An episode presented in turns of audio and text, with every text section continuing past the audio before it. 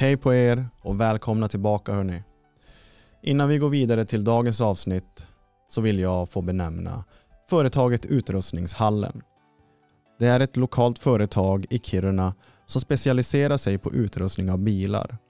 De utför allt från montering av motorvärmare och belysning till kompletta företagslösningar med till exempel bilinredning från Worksystem. Så behöver ni hjälp med er bil? Tveka inte att höra av er till dem. De kommer att hjälpa er. Superbra personal. Och så då vidare till avsnitt 40 med Hampus Wenklo som är en av tre vinnare i Elitstyrkans Hemligheter Sverige i TV4. Hampus tar oss igenom hur det verkligen var att genomlida de åtta dygnen på Gotland i denna tuffa utmaning under tv-inspelningen. Vi går även in på hans privata liv där han, tillsammans med sin fru, fått genomgå väldigt tuffa utmaningar med till exempel Idas cancer. Han är en av de få personer som vi inte hittar på sociala medier, så att få dela Hampus historia här i denna podcast känns oerhört roligt. Så här har ni han, varsågoda.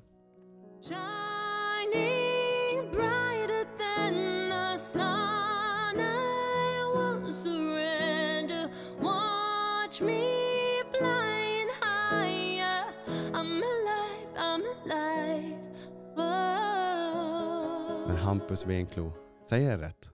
Absolut. Wenklo. Enklo, absolut. Det funkar bra. Ja. ehm, du är just nu uppe i Kiruna. Yes. Glad för det. Vi lärde känna varandra under det som nu har, kommer att ha varit på tv, Mm. Elitstyrkans hemligheter. Yes. Och eh, som vi kom överens Från start. direkt. Ja. Eh, Så är det Men- studioinspelning. För mig är det första gången. Aldrig gjort det här innan. Så precis. att det är en... Det är en ära för mig att få sitta här med dig. Och för mig. Tack gubben. Eh, Men i alla fall, vi hoppar in direkt. Mm. Eh, Vem är Hampus? Ja. Nu har man ju fått se dig i tv när det här släpps och liksom eh, sett dig gå hela vägen. Mm. Och vem är du Hampus? Vem är jag?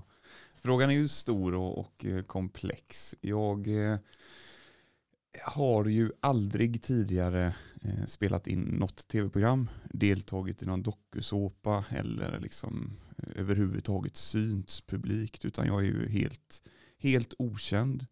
Ehm, och det har också varit en sån här målsättning för mig. Jag är ju eh, relativt osynlig i sociala medier också. Mm. Jag har ingen Facebook, har aldrig haft. Jag har inte Instagram, har aldrig haft det. Eh, aldrig haft det heller.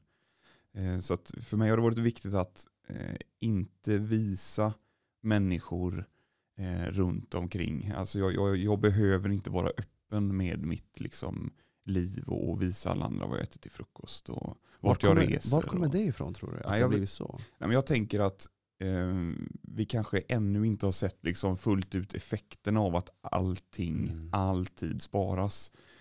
Eh, alltså våra barn kommer ju kunna söka upp bilder från när vi eh, hade, var på festivaler eller var, deltog i, i eh, liksom ungdomsaktiviteter. Det kommer de att kunna göra om 40 år. Vi kan ju inte göra det på våra föräldrar förutom Mm. de liksom fysiska fotografierna som finns. Jag, jag är inte säker på att ehm, jag är inte säker på att man kommer eh, vilja ha liksom allting Mm. sparat eller vill allt att allt ska vara spårbart helt enkelt. Så. Mm. ja, det- Det är ändå sunt tänk. Ja, jag hoppas ju det. Man vet ju aldrig. Alltså, så finns det ju tjänster. För mig har det varit viktigt med jobb och karriär och de här bitarna. Och det, då finns det ju, ju tjänster som, som, inte är, eh, som inte är lämpade om, om det finns för mycket eh, Google-träffar som inte är bra till exempel. Mm. Så att, ja, vi, får väl se. Jag kanske har helt fel. Bevisligen är det väldigt många. Majoriteten tänker ju helt annorlunda. Så att, Mm. ja. Jag tror att man, jag tror jag är inne på ditt spår där också. Att man, det är ju precis som du säger. Mm. Men ändå så blir det som att eh, ja, man måste hänga med lite grann. Ja, lite grann. Nu, så nu kommer ju allt på en gång. Nu kommer ju, ju folk hela vägen in till min själ i, i tv. Mm. Eh, Där eh, det gick ju inte på, på slutet gick det ju inte att dölja någonting. Alltså de, de var ju så pass, eh, de var ju oerhört duktiga och skarpa, eh, de här fyra instruktörerna. Mm. Så att det räckte ju att ge dem några dygn så hade de ju förstått precis vad vi var duktiga på och eh, definitivt vad vi var svaga på. Och vad de skulle trycka och borra för att eh, liksom, ja, komma hela vägen ner då. till, till botten. Eh, men om vi tar det från början. Mm. Varför sökte du?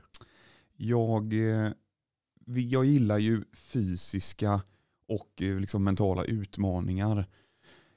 Så finns det väl någon form av sån här fascination för såklart elitstyrkor eller det hemliga inom militären. Mm. Och jag har ju aldrig gjort lumpen, jag har ingen liksom militär anknytning överhuvudtaget. Och jag har sprungit lite långlopp, Ehm, jag har ja, bland annat sprungit här uppe i, i dina trakter. Eh, Mm. Det här eh, Fjällräven Classic, man springer 11 mil eh, och, och testat det. Ehm, Både cyklat och, och kört klassiker, varit i Himalaya och, och eh, vandrat i bergen och, sådär. Så att det känns som att fysiskt så vill jag testa var är max? Vart är gränsen liksom? Hur långt går det att och springa, bära och dra tills man liksom bara blockar av tills det bara stängs av kroppen. Precis, ja, men jag känner, när, när du till exempel sprang Fjällräven klassisk, Ja. då berättade du för mig att du hade sett den här båten. Jajamän. Ja. Så att du är ju i grymma hallucinationer. Jajamän. Känner inte du där någon gång kanske att du har uppnått din, ditt max kanske på något sätt? Ja, Eller känner du att det finns ännu mer att kunna ta av? ja, det fanns ju mer då. Det, det kom, ju- hallucinationer där kom efter typ 70 eller 80 kilometers löpning. Mm. Och då var det ju ett maraton kvar. Och eh, det kom ju då, men jag var ju fortfarande med. Alltså jag var ju klar i skallen och kroppen gjorde ju ont, men jag orkade ju mer. Mm. Så både mentalt och fysiskt så fanns det ju mer att ta Mm. hela vägen in i mål då. Och, och sen så sov jag ju några dagar efteråt för att vila upp och sådär. Men, men då, då kände jag att den här biten är ju eh, med, med då elitstyrkans hemligheter, då, är, då har du möjlighet att också göra det under eh, proffs. Eh, Alltså de här Mm. instruktörerna, det, det är ju liksom den absolut främsta eliten hos svensk, eh, svensk försvar. Så att, ehm, nej, det, det var en fantastisk utmaning och en fantastisk möjlighet att få söka då var en av de här nästan tusen ansökande som, Mm. som, fick, som fick chansen och möjligheten. Och som, ja, jag, tycker det var definitivt värt det. Tuff inspelning. Eh, när vi spelar in det här så har ju inte programmet gått ännu. Nej. Så att det kan ju hända att jag säger att det där eh, eh, ja, kanske inte var så, så genomtänkt och, och delta vid. Men, men jag hoppas ju det. Mina minnen av det är, eh, är att det är definitivt var värt det. Så får vi se vad tv säger sen. Men jag håller ju verkligen med dig, för där är ju vi på samma plan. Att vad går vi för egentligen? För jag menar, både du och jag direkt, vi kom överens redan på båten över till Gotland, började vi, jag började pakta lite med dig. Och de som lyssnar, när de tänker pakta kanske de tänker att jaha, ska de gå emot alla andra? Men det är ju inte det det handlar om. Nej, nej. Vi båda vet ju att ett sånt här skede kommer kräva samarbete. Mm. Jag vill ju bara snabbt liksom få upp någon Mm. och liksom få ett intryck av okej, är det här en hård jävel eller är det någon som kommer ge upp? Och direkt så kände vi att ja, vi kör hela vägen. Vi det är väl lika, vi är Ja. ändå här. Ja, målsättningen var ju klart det. Och så var jag ju, vi var, jag visste ju att det var en kille till från Göteborg och sen förstod jag ju snabbt att det var väldigt mycket stockholmare. Eh, och eh, då, då finns det ju liksom en geografisk distans. Eh, och sen så kände jag, när man kollar igenom gruppen, att det, det var ju många som var extremt tränade. Alltså Mm. fruktansvärt tränade i kropp och i, i psyken. Och så. Det, det ty, tycker jag man kan se, alltså det kändes ju när man gick runt bland de här människorna på färjan från Nynäshamn över till Gotland då. Mm. När vi inte fick prata med varandra utan bara, Precis. bara sitta och, och betrakta Mm. så kändes det som att det, det låg liksom en extrem mängd testosteron och givetvis då också östrogen hos, hos, hos tjejerna. Men, men det, var, det var maxat. Alla var Ja. liksom, de hade ätit, sovit, tränat perfekt inför det här. Mm. Och så skulle det bara liksom pushas ut. Och, och då hittade jag dig, eller kände att där fanns ett norrländskt lugn. Du Mm. hade liksom en, eh, en cool inställning utan att vi pratade med varandra så kunde jag uppfatta att, att här är eh, här är Pontus, visste jag inte då namnet, men här är en, en sund och lugn kille. Och det tänkte jag att det kommer snart liksom att blåsa upp till fullkomlig jäkla orkan. Mm. Och då kan det vara gott att ha en eh, som jag krokar i ehm, Mm. bredvid mig. Och jag visste ju också att det är ju en tävling. Samtidigt, det här är ju inte Robinson, utan Mm. det var ju en tävling. Instruktörerna skulle ju sköta jobbet med att, att skjuta ut oss en efter en Precis. ändå.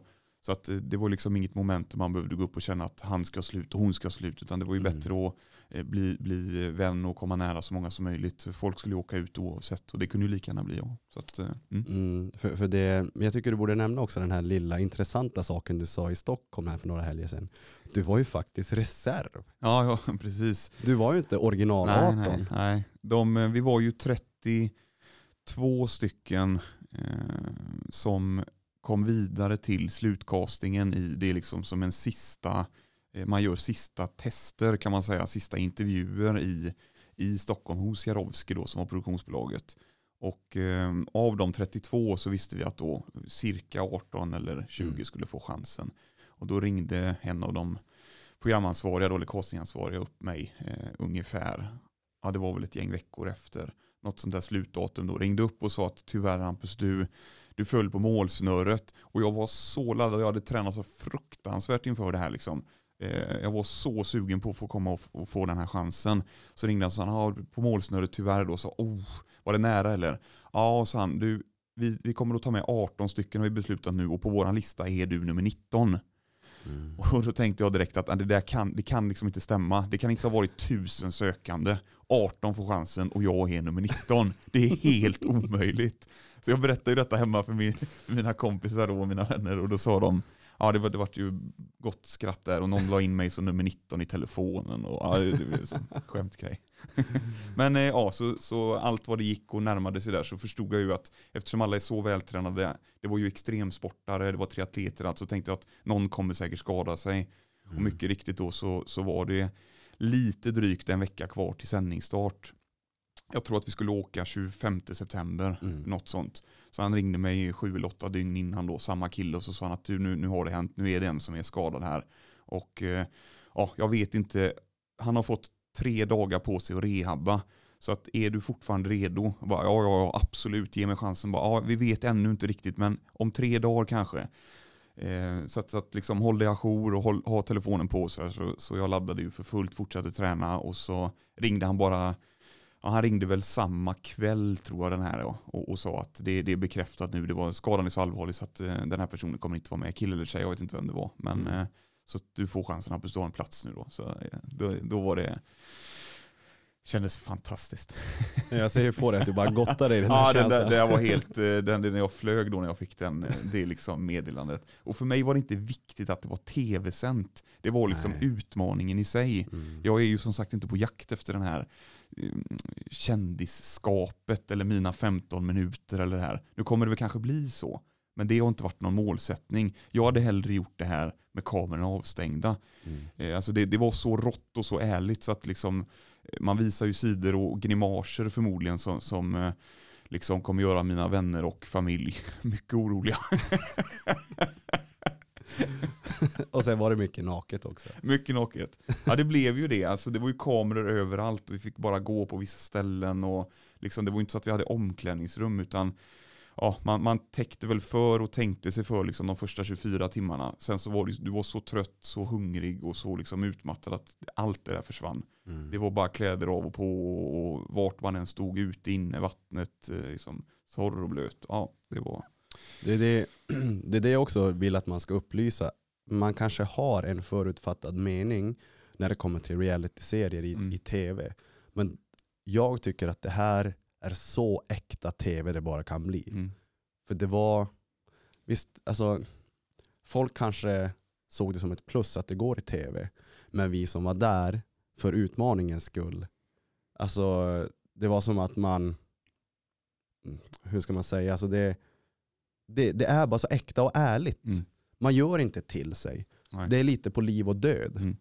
Eh, Och sen så, så förstod jag det nu, nu när man har gått igenom den här snurran, att eh, det finns ju då någonting som heter att man synkar i ett tv-program. Mm. Eh, och det är då när man sitter, typ som i Robinson som de flesta känner till, när de sitter ensamma med kameran och sammanfattar dagen eller sammanfattar en tävling. Jag kände mig så himla trött då, eller så då får man ju ett andrum, man får sitta ner med någon intervjuperson Mm. eh, och, och så liksom gå igenom det här. Och vi hade ju bara ett enda sånt tillfälle och det var ju innan programstart.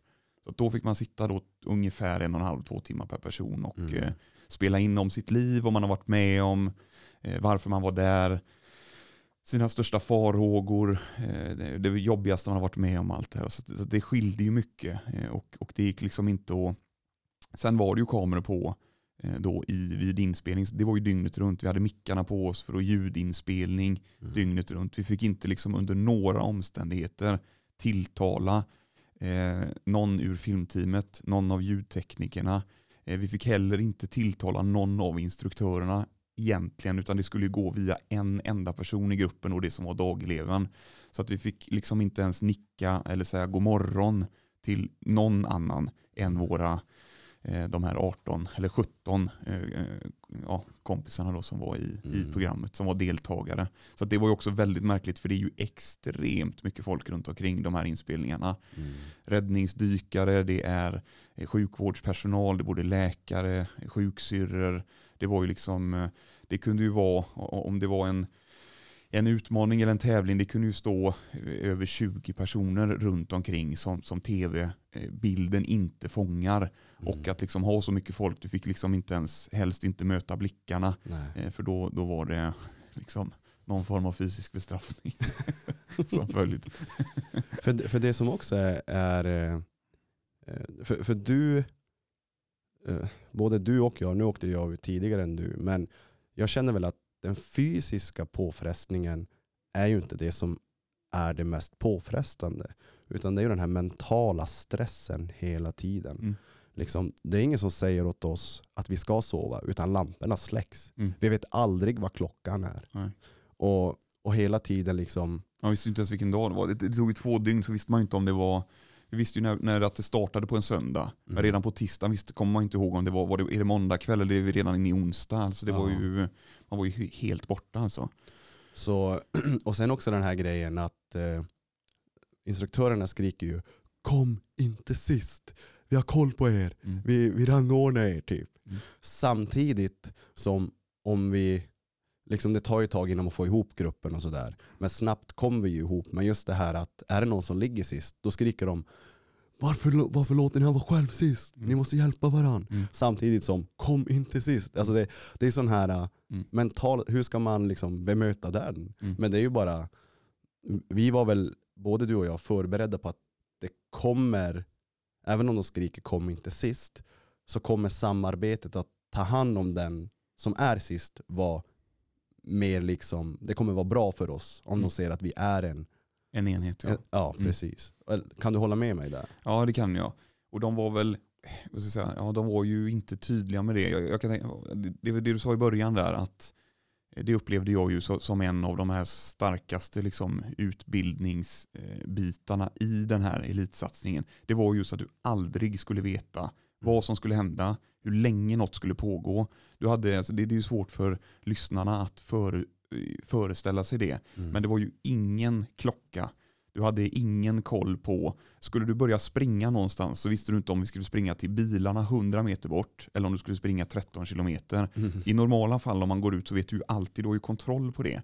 Här var det ju, du hade inte kontroll på något. Mm. Ehm, och, och eh, ibland så, så ville de, precis som du sa, att man skulle köra individuellt sitt absolut max för att de ville rangordna oss. Men i nästa stund så, så var det fullt fokus på vem hjälper någon annan när den behöver, eh, behöver stöttning eller pushning och sådär. då, va. Och det var ju sällan samma personer utan skulle vi springa långt så var det ju triatleterna som var absolut starkast på det. Skulle vi bära tungt så hade vi ju eh, någon eller ett par duktiga liksom, eh, fighters so- som var oerhört vrålstarka. Mm. Eh, och, och skulle vi orientera eller lösa liksom, uppgifter då kanske den tredje var, var bäst på det. Så att alla fick ju liksom stötta varandra under, Mm. Under den här tävlingen och så hela tiden då eh, filmade och betraktade av de här fyra instruktörerna som skulle då bedöma. Mm. Eh, och, och man visste ju inte ens vad de tog på, precis som du sa. Ibland så skulle man hjälpa varandra, ibland Mm. skulle man köra max själv och oftast gjorde man ju fel så att de fortsatte skrika och skrika och skrika och det var ju en del av det att de skulle bygga upp en fruktansvärd stress hos oss Mm. för att se vilka som som klarade av det Mm. och vilka som, som inte klarade det. Och, och det blev ju, så här tidigt så kunde man ju se att vissa blev så pass stressade så att de till exempel inte kunde äta Mm. eh, och inte kunde liksom eh, sova och sådär. Och, och då, eh, då, då går det ju fort alltså. Mm. Eh, maten måste ju ner. Mm. Så att du fick liksom inte ha för hög puls. Du var tvungen att, att käka och dricka För- vatten. För det var inte många kalorier per dygn vi åt. Inte mycket. Och vissa dygn var helt, eh, var ju i princip nollade. Jag vet att vi, det här är som jag kommer ihåg det som sagt, så det kan vara att jag har fel. Men jag tror att när vi sprang ut på nattorienteringen så tror jag inte vi hade ätit den dagen. Och då orienterade vi in på eh, in förbi midnatt. Eh, Och jag vet att när vi kom i mål med den här tunga kistan då fick vi en banan var. Och det var, liksom, det var så fruktansvärt gott så att man tog liksom det här bananskalet och skavde Ah, med tänderna i skalet. Mm. Alltså man gjorde ju, testade mat på ett sätt man aldrig gjort innan. Eller hunger rättare sagt. Mm, verkligen. Ja. Ehm, men för du vart också ganska snabbt pappan i gänget, säger ju många. Ja. Eh, men om du får berätta liksom om dig som person, hur kommer det sig att du är just, kanske utses till den här pappan och ta hand om alla och ha koll på läget? Och, Mm. Var Ja, kommer det ifrån? Det vet jag inte om jag var, men jag, jag, jag, jag har alltid tänkt så här. Vi, vi, vi är ju fyra syskon i, i min familj och jag är äldst och har tre yngre syskon rätt så tajt in på i ål- åldersmässigt. Så vi har alltid liksom hängt ihop och jag har försökt ta hand om dem. Och vi är, alltså privat så är det ju stora kompiskretsar och sådär. Jag tycker att de människorna jag har runt mig, precis som när jag har varit här gäst hos dig i Kiruna, då tycker jag det är viktigt att de människorna runt mig, de ska må bra. Mm. De människorna ska ha det bra. Så bra det går. På Gotland gick det inte att ha det sådär jättebra, men, men om man såg till att liksom eh, plåstren var med ut på övningarna och man såg Mm. till att eh, mina kompisar hade liksom vatten i sina vattenflaskor. Om någon såg väldigt stressad ut så kunde man lägga en hand på axeln och säga liksom att det är lugnt, vi har den här gången har vi 30 minuter på oss att liksom andas och så Mm. försöka och kanske prata med någon som, som var stressad och sådär. Jag, jag vet faktiskt inte, det, det är inte att jag måste ha liksom en, en, eh, en papparoll eller en pappastämpel. Det låter lite konstigt. Det, det är inte tanken och det är inget liksom som jag vill uppnå eller liksom eh, vill få någon form av roll. Det, det handlar inte om det. Det är bara liksom den du är.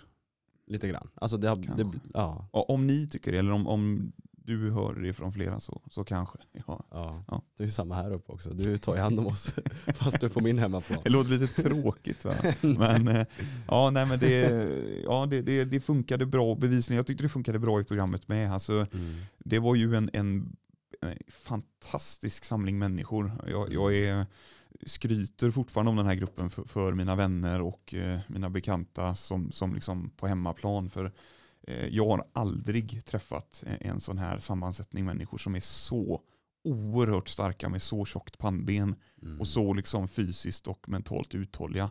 Det, det var eh, alltså fruktansvärt eh, duktiga eh, personer. Så att, eh, mm. Nu, nu vet ju inte vi som sagt om eh, vad som kommer sändas i tv, för det har inte sänts än. Nej. Men berätta om din dusch. Du byggde ju en dusch. ja, Vi det. vet inte om den kommer med i tv eller inte. Nej, det vet vi inte. Nej, men det, det kändes som en viktig grej. Eh, alltså, vi hade ju eh, vi hade ju inte tillgång till egentligen någon större mat. Eh, Vi hade ju inte tillgång till rinnande vatten. Vi hade inte tillgång till dusch. Vi hade inte tillgång till varmvatten. Vi hade ju inte heller tillgång till riktig toalett utan det var ju Mm. liksom den här klassiska Utedasset. precis bajamajan. Mm. Så att, och, och då, men vi hade tillgång till vattenkokare. Mm. Eh, och jag tror så här kanske i efterhand att de kanske glömde att ta bort dem för de stod framme i mässen då eller i köket. Vad vi ska säga då. Mm. Där stod de ju framme dygnet runt. Så att du hade möjlighet att koka vatten dygnet runt. Och vi hade tre stycken sådana här 20 liters dunkar då som du kunde tappa kallvatten ur. Eh, och eh, då byggde jag, det, det, vi bodde ju i den här, logementet var ju ett gammalt, gammalt fort. Så att det hade börjat trilla eh, gjutna betongplattor ifrån tak och väggar. Som typ mosaikplattor. De var eh, mellan en och, och tre kvadratdecimeter stora. Så att då, och, och vi gick ju på grus. Så att jag, jag grö, grävde ur vid ett fönster vid en avsats. Så grävde jag ur lite grann med händerna och la typ en kvadrat av de här plattorna. Så att det blev som en liten eh, lyxigare duschgolv då. Och eh, staplade upp en stol i fönstret så den kom på typ 1,90 då, de här eh, kallvattendunkarna. Mm. Så hällde jag ut så det var ungefär hälften kallvatten och så spetsade jag det med kokande vatten tills det fick bra grader då. Och då kunde du ställa den upp typ 1,90, dra på kranen och så fick du en liten stråle med liksom duschvarmvatten. Och det var rätt så skönt om man hade då, om man frös eller om man var riktigt smutsig, för det var man ju efter vissa övningar, då kunde man gå ut och tvätta sig och liksom köra håret eller eh, ja, Mm. liksom lösa lite hygien då. Det är ju viktigt, alltså det skulle ju vara, målet var ju att vara där många dygn, då, då är de här Mm. grejerna viktiga. Så blir det skiten dag ett eh, och inte gör något åt det, alltså dag fyra, fem, sex, då blir det riktigt jobbigt. Har du Mm. dessutom sand eller grus typ under armarna, ljumskarna, då blir det ju det blir ordentligt skav. Det river ju upp stora sår till slut och det Mm. fick ju några. Så att, eh, ja, det, det kändes som en rolig grej. Jag tror att den var uppskattad, jag hoppas det. Med tanke på hur hårt allting öppnade Mm. så var jag lite förvånad att du vågade lite kanske ta lagen i egna händer. för du fick aldrig skit för, för det här va? Nej, Det jag, var aldrig någon som nämnde det åt nej, nej. Instruktörerna eller? Nej. Nej, jag tänkte nog att det skulle att det skulle bli det. Men samtidigt, de bad oss, de sa ju mellan vissa övningar att det var viktigt att vi höll oss, det var ju något, något nytt ord som jag inte hört innan, men vi skulle hålla oss, sa de stridsdugliga? Var det det ordet de använde? Jag kommer inte riktigt ihåg det nu, men vi skulle liksom vara redo för nästa övning hela tiden. Mm. Alltså vad, vad liksom öka stridsvärdet, så sa de, öka stridsvärdet. Och det var ju då, försök att äta när chansen finns, drick upp er med vatten när, när liksom, vila när ni kan det, så att man hela tiden skulle vara redo då. Och, och eh, ja, det, var, det, det, det kändes viktigt. Då, det, liksom. det är lite humor i det också, men, men eh, det, ja, jag hoppas de har sett det. vilken, Vi får se. vilken hemmafixare, så jävla bra. Ehm, men för, för du, många av de här deltagarna också som vi har varit med nu, Det var det jag skulle säga. Det var, du frågade ju med eh, varför jag vågade ta lagen sådär i, i egna Mm. händer. Ja, och jag, jag, just det, det, det, jag tappade frågan. men, ja, Eh, nej, men det var viktigt, eh, för, då, för då kom ju också, det tog några dagar, så var det någon som, som kom och sa, alltså, när det hade börjat trilla ut lite folk, mm, då blev det också helt plötsligt kläder över. Och Ja. eh, alltså det, det låg, och det var ju ingen ordning för folk åkte ju ut liksom, som, nu kan vi prata om till exempel hur, hur det blev med dig då. ja, Alltså när du åkte ut på med hjärnskakning, mm, då är ju inte första prio liksom, var är mina strumpor? nej. Utan det var ju liksom fort in till sjukan. Eh, alltså sorgligt, men, men så var det ju. Så- så och då det, blev det ju, nu tror jag, av dig så var liksom allting roddat och medpackat, men flera åkte ut väldigt, väldigt fort och det låg Mm. grejer kvar. Så jag vet att vid något tillfälle så gick jag och bytte, liksom, någon hade blöta sockar och fick du liksom fel placering i torkrummet så, så torkade inte dina kläder lika snabbt som någon annans. Precis. Och då tog jag också väl något sån eget beslut utan att fråga någon och så bytte jag sockar ur någon låda och bytte tröja och sådär. Eh, med, alltså för någon annan deltagare som, som Mm. jag såg eller som hade nämnt att detta eh, var, man inte nöjd med riktigt då. Tänkte att då, då löser jag det snabbt utan att det ska bli något tjafs eller sådär. Jag tänkte kommer de på med det? De frågade ju någon dag, är det någon som har stulit några kläder? Och då räckte jag upp handen ute på UP. Du gjorde det? Ja det gjorde jag. För jag tänkte, det, alltså, skulle det vara ett problem så måste jag ju stå för det. Men det Ja. kunde jag ju göra.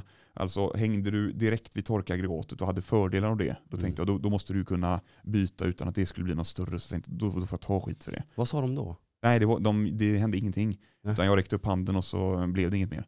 Ah, okej. Så, det, men det var, eh, det var väl då för att de skulle ha ordning på så att inte folk... Det hade varit en grej om du, om du snodde eh, då t-shirtar. Vi skulle ju ha två, eh, två Mm. svarta. Snodde du så att du hade tre eller fyra, då blir det ju oschysst då. va? Men bytte Mm. du en torr mot en blöt, då, då såg jag liksom ingen, Mm. ingen stor grej i det. Så att, ja, Nej, jag, jag vet inte. Vi får se vad, vad tv-tittarna och, och lyssnarna tänker. Och något som är intressant för mig nu när vi ändå sitter här Hampus, där vi fick ju, nu vet vi inte om det visas i tv, men första där när de ropar upp oss på UP och vi ska säga vem vi tror typ minst förtjänar att vara här.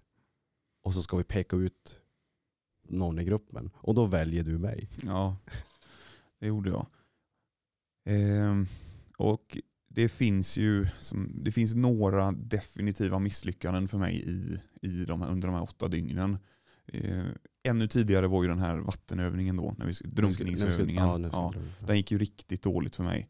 Den var jag liksom besviken över min insats. Eh, jag var också besviken när vi skulle eh, när vi skulle boxas till exempel. Mm. Att jag blev för het, att jag inte tänkte mig för. Jag, jag, jag gick på adrenalinet utan att liksom bedöma riskerna i Kristoffers krokar och, och åkte på en total knock. eh. Och, och sen så var det kanske vissa fysiska grejer där jag, jag hade behövt förbereda min överkropp bättre så att jag kunde bära och så, för där låg jag långt efter Mm. eh, de, de starka individerna då. Va? Eh, och, och sen då till sist så är det de här uppställnings-UP där vi skulle peka ut varandra. Den, den tyckte jag var, den är horribel på så många sätt för att i normala fall är någon svag i en grupp då är ju min reaktion att då hjälper man varandra. Mm. Alltså oavsett vart annat i samhället så försöker man ju liksom, här är någon i ett, på ett arbe, en arbetsplats eller så, då lyfter man ju den liksom siste man eller siste kvinna alltså, och, och, och pushar den.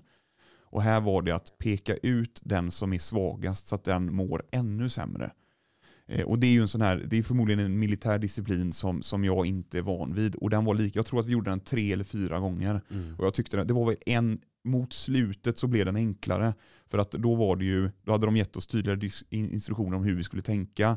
Och då var det ju också några som, som, som verkligen sinkade och, och som borde liksom lämnat in för att man drog ner gruppen så pass mycket då. Mm. Men där i början med, eh, då, då var det väl många som röstade på, på en individ när vi stod där. Mm. Och jag tänkte att det är så många som trycker.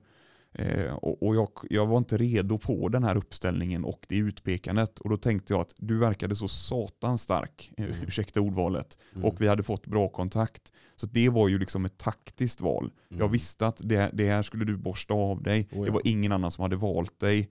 Mm. Och jag kände att vi, vi hade liksom varandras ryggar. Men den var ju egentligen, skulle jag gjort rätt där, då skulle jag ju valt den som var svagast. Mm. Och det gjorde jag inte. Eh, Men det var liksom 12 andra som valde samma, så det hade ju inte spelat någon roll. Mm. Eh, Så att, eh, men, men det var vad hjärtat sa, att ta någon som klarar av att tackla det. Mm. Och så, ja, Bara taktiskt då för att... ja kan- precis. ja, Men, men å andra sidan, liksom att, att ens peka ut en nära vän, då det är ju, ja, det Nej, den, den var svår, jag kunde inte ducka den. Och jag frågade ju flera gånger för jag tänkte jag, jag, jag, vill inte svara på detta. Mm. Så jag, den här vill jag inte göra. Och då, och då, för när du börjar fråga där, eller när du säger till instruktören där att nej jag kan inte peka ut någon. Och då de fortsätter trycka på dig. Och jag tycker också det är för tidigt, alltså om vi har känt varandra ett, det var väl ett dygn i princip för allihop Ja, gruppen, eller kan ett och ett halvt. Ja, kan det ha varit dag två vi hade Dag första? två, okej. Jag tror det. Jag är inte säker. Så kan det ha varit. Och då tycker jag alltså, om någon har, eh, som, som någon då hade väldigt ont i någon kroppsdel, typ ljumsken, vilket det faktiskt var här då, Mm. så vi- vi visste ju inte om hon var skadad. Det, det var inte säkert att hon var svagast. Alltså det går inte efter ett dygn att säga att den här eller den här är betydligt svagare än någon annan. För Mm. vi hade, det, vi hade gjort så få, så få discipliner eller så få grenar. Mm. Så att, eh, det kan hända att den som hade svag ljumske där var extremt duktig på orientering Mm. om tre dagar framåt i tiden. Så att, eh, ja, jag, jag- jag tycker fortfarande att den där är, att den är väldigt svår. För det vet jag, då har du berättat åt mig att instruktörerna tryckte ju lite på den sidan av dig. Eh, att du, vad var det de sa exakt? Du har inte känslorna va? Nej, de, de tyckte inte att jag hade... ehm, eh, då ska vi se, vad var deras ordval? Eh, De, typ kontakt, ja, ja, men precis. De tyckte ju att jag var, att jag var duktig på att eh, ta hand om andra, att eh, förstå och eh, typ utföra instruktioner, eh, genomföra övningar. Men att jag ljög för mig själv och att jag också då ljög för instruktörerna och er som var mina liksom, nära vänner i och med att jag inte hade gått igenom liksom, Idas sjukdom och, och, och de här bitarna. Och jag hade ju inte bearbetat det. Alltså jag, hade ju, jag hade ju varit med henne i, under hela den här processen, hela hennes sjukdomsperiod. Men jag hade ju liksom flytt det, flytt känslorna, alltså boxat in mig och stängt av för att jag inte, inte kunde hantera det, inte visste hur jag skulle göra. Och man har ju väldigt mycket känslor inom sig, men jag förstod inte på Gotland vad det hade gjort bättre om jag liksom dag ett bröt ihop och berättade för alla, alltså skrek ut att min, min fru eh, liksom är sjuk i cancer. Jag, jag såg inte vad det skulle göra situationen bättre. Men efter då fyra eller fem dygn, när, Mm. när gruppen var mindre, och jag litade på, vi var, nog, vi var sju kvar tror jag den natten när jag berättade för alla att, att liksom, Eh, vissa dagar för mig är, är tyngre och det beror på, till exempel idag, så det, det beror på att min, min fru är sjuk där hemma och, Mm. och så är det. Då kom de fram och liksom höll om mig och jag grät där. Och, ja, ty, jag tyckte det var jobbigt, eh, men, men det tryckte då instruktörerna på att jag inte kunde hantera på rätt sätt och eh, att jag då ljög för dem för jag höll upp ett sken, höll upp en fasad och så, så har jag gjort på jobbet med. Man försöker vara glad, man försöker vara positiv. Eh, jag, jag vill inte vara till stor last för mina medmänniskor. Liksom. Det, det, det var tillräckligt jobbigt med allt som var där inne fysiskt och psykiskt för att liksom belasta sex kollegor eller kamrater i utmaningen med kan ni hjälpa mig bearbeta min sju, frus sjukdom. Liksom. Mm. Så att eh, jag eh, ja, fick, fick det liksom tryckt rätt i ansiktet eh, och det var ju helt, det var, det var ju, de hade ju rätt. Eh, Alltså, jag kan ju inte ducka för det. Jag kan inte säga att, att den analysen var felaktig, för det var den inte. De var ju, de var ju spot on. Mm. Jag hade ju duckat detta, hade inte bearbetat det. Och så kom jag dit in och, och där gick det inte att fly längre. Nej. Där gick det, det som- inte att fly. Det, det är ju det som är lite meningen också. Mm. Vi skulle ju inte kunna fly någonstans. De gräver ju ur verkligen max Mm. ur oss. Och till slut så är vi så nakna vi bara kan bli. Mm, mm. Nej, de sa ju, vid något tillfälle när kamerorna var av så var det någon av instruktörerna som frågade hur mår ni grabbar? För då var vi, bara, var, vi var sju, sju killar kvar då. Mm. Och då säger jag att eh, jag, är imponerad över, för de hade ju hittat in till nästan alla, är min uppfattning. Man kunde ju se det på de andra när de hade varit på de här förhören och det, att, att de var liksom skakade. Så jag sa att jag är imponerad över att det har gått fem dygn. Ni vet ingenting om oss innan. De hade ju, som jag förstod, inte fått några psykologundersökningar Ah, okej. eller något sånt. Mm. Utan de fick bara göra sin bedömning av oss där Mm. inne. På plats på den här ön då. Så att, eh, och, och då svarade en av instruktörerna att, eller jo, jo då sa jag att eh, vi, eh, jag är imponerad över hur, hur fort ni, ni har läst oss liksom, på så kort tid. Och då var svaret att eh, vi har liksom tagit, plockat bort maten, vi har plockat bort sömnen för er. Eh, vi har tömt er så hårt fysiskt att ni, liksom, ni, ni, ni kan just nu inget mer än bara lyda order. Vi har tryckt er så långt ner att ni klarar inte att ljuga längre. Ni klarar inte att bluffa, hålla någon fasad, visa oss något sken. Vi får liksom det råa ni. Det finns ingenting kvar hos er nu. Vi, vi får allt. Vi, vi kan liksom, de kunde bara trycka. Eh, plus att de var extremt duktiga på det då givetvis. Så att, eh, det, det var, jag är fortfarande imponerad över, över det. Men det är klart, det är det, det, är- det är liksom eh, specialförband, det är ju elitoperatörer. Mm. Så att det kunde man väl kanske tänkt att det här, är, det här blir skarpt. Liksom. För, ja, man har ju ett val. Vi sökte ju dit av egen vilja. Absolut. Och, eh, men, men det går ändå inte att mentalt förbereda sig för ett sånt här test, tycker jag. Nej, Mentalt går det inte. nej. nej kanske inte. Nej. Nej, jag, Eller, eller anser du att man kanske kan göra det? nej, jag, jag vet inte. Jag, jag, hade ju, jag visste ju att jag var väldigt svag i vatten. Det var liksom en av mina, dels att jag var fysiskt svag i överkroppen. Alltså skulle du behöva tyngdlyfta eller bänkpressa, då vet jag att det här är jag riktigt dålig på. Mm. Men också mörkt vatten. Men det, mörkt vatten kan jag ju liksom på kort tid hyfsat träna på. Så då åkte jag och ringde min fantastiska morbror som är eh, dykare eh, och, och är faktiskt även aktiv i, i eh, Försvarsmakten. Och eh, åkte upp till hans stuga. Vi tog en, en fredag till söndag uppe i Dalsland. Och detta var ju då i, i starten, mitten på september, så det var svinkallt där uppe. Eh, och då hade han förberett eh, tre stycken vattenövningar i en älv och en insjö. Där det var totalt becksvart, becksvart vatten Mm. då. Och, och eh, vi övade. Så att den delen mentalt kunde jag förbereda. eh, Den lilla delen. För där visste jag att jag, jag får liksom lite lätt eller väldigt panik då om man kommer ner i mörkt, kallt vatten och ska liksom dyka ner till botten eller dyka under en båt som jag hade berättat. Vilket vi faktiskt fick göra då under, Mm. under inspelningarna. Så att, eh, ja, det, det gick nog att förbereda sig lite. Mm. Men sen de här, eh, eh, alltså det som kom på, på slutet då när vi vart eh, ja, tillfångatagna, förhörda och liksom ställda i det här, eh, den här tortyrkammaren eller det här eh, där vi skulle stå med de ljuden och det, det, det var så fruktansvärt. Alltså det, det, det gick ju inte att, du måste ju dessutom då tömma dig under sex dygn fysiskt innan och mentalt. Ta, plocka bort mat och plocka bort sömn. Det går ju inte att förbereda sig för. Mm. Utan det var ju bara att stå och, eh, och liksom se om man, om man klarade det eller, eller inte. Då. För jag vet att du har berättat för mig också att just den delen, tortyrdelen, Mm. Det är ju det kanske absolut tyngsta du har varit med om. Ja, i, i, i livet. Eh, Alltså, då har jag min frus sjukdom då som, som liksom extremt tung period under lång tid. Men i liksom enskild händelse Mm. så var den, eh, eller, eller enskilt träningsmoment så, där, så var den, den var helt fruktansvärd att stå där alltså. Vad Fruktansvärd är, vad är det som försiggår i ditt huvud? Nej, men vi, vi blev ju, alltså där, där gick det ju från att veta att du var på en sån här åtta dygns övning. Men när man stod där inne och hade stått en stund, då visste du inte. Och när de plockade in oss i, de här för, i det här förhörsrummet där det också var influgna då, eh, experter Mm. på förhörstekniker, då visste du inte längre om det var liksom, om det, är det här fortfarande övning eller är det här verklighet? Man visste inte om det var krig eller inte. Alltså du var så borta i huvudet, du var så liksom rensad i kroppen att, att eh, jag, jag hade inte koll. Och när vi kom ur, när de rev av oss luvorna där, då vet jag ju hur liksom mina ögon var helt uppspärrade. Jag, jag var totalt slut. Eh, då, då frågar någon av de andra två, eh, en av instruktörerna, hur länge stod vi? Och då säger han att, eh, även ni grabbar, ni stod 45 minuter. Och då tänkte jag bara, oj, shit, liksom 45 minuter. Först så tänkte jag att det var ju ändå en stund. Men inte så länge ändå. Alltså 45 minuter är ju inget liksom, vi har stått i, högt ljud i 45 minuter, det är ju inget man liksom, så jobbigt låter det inte. Och det trodde jag i flera dagar. Eh, alltså, men han skämtade ju.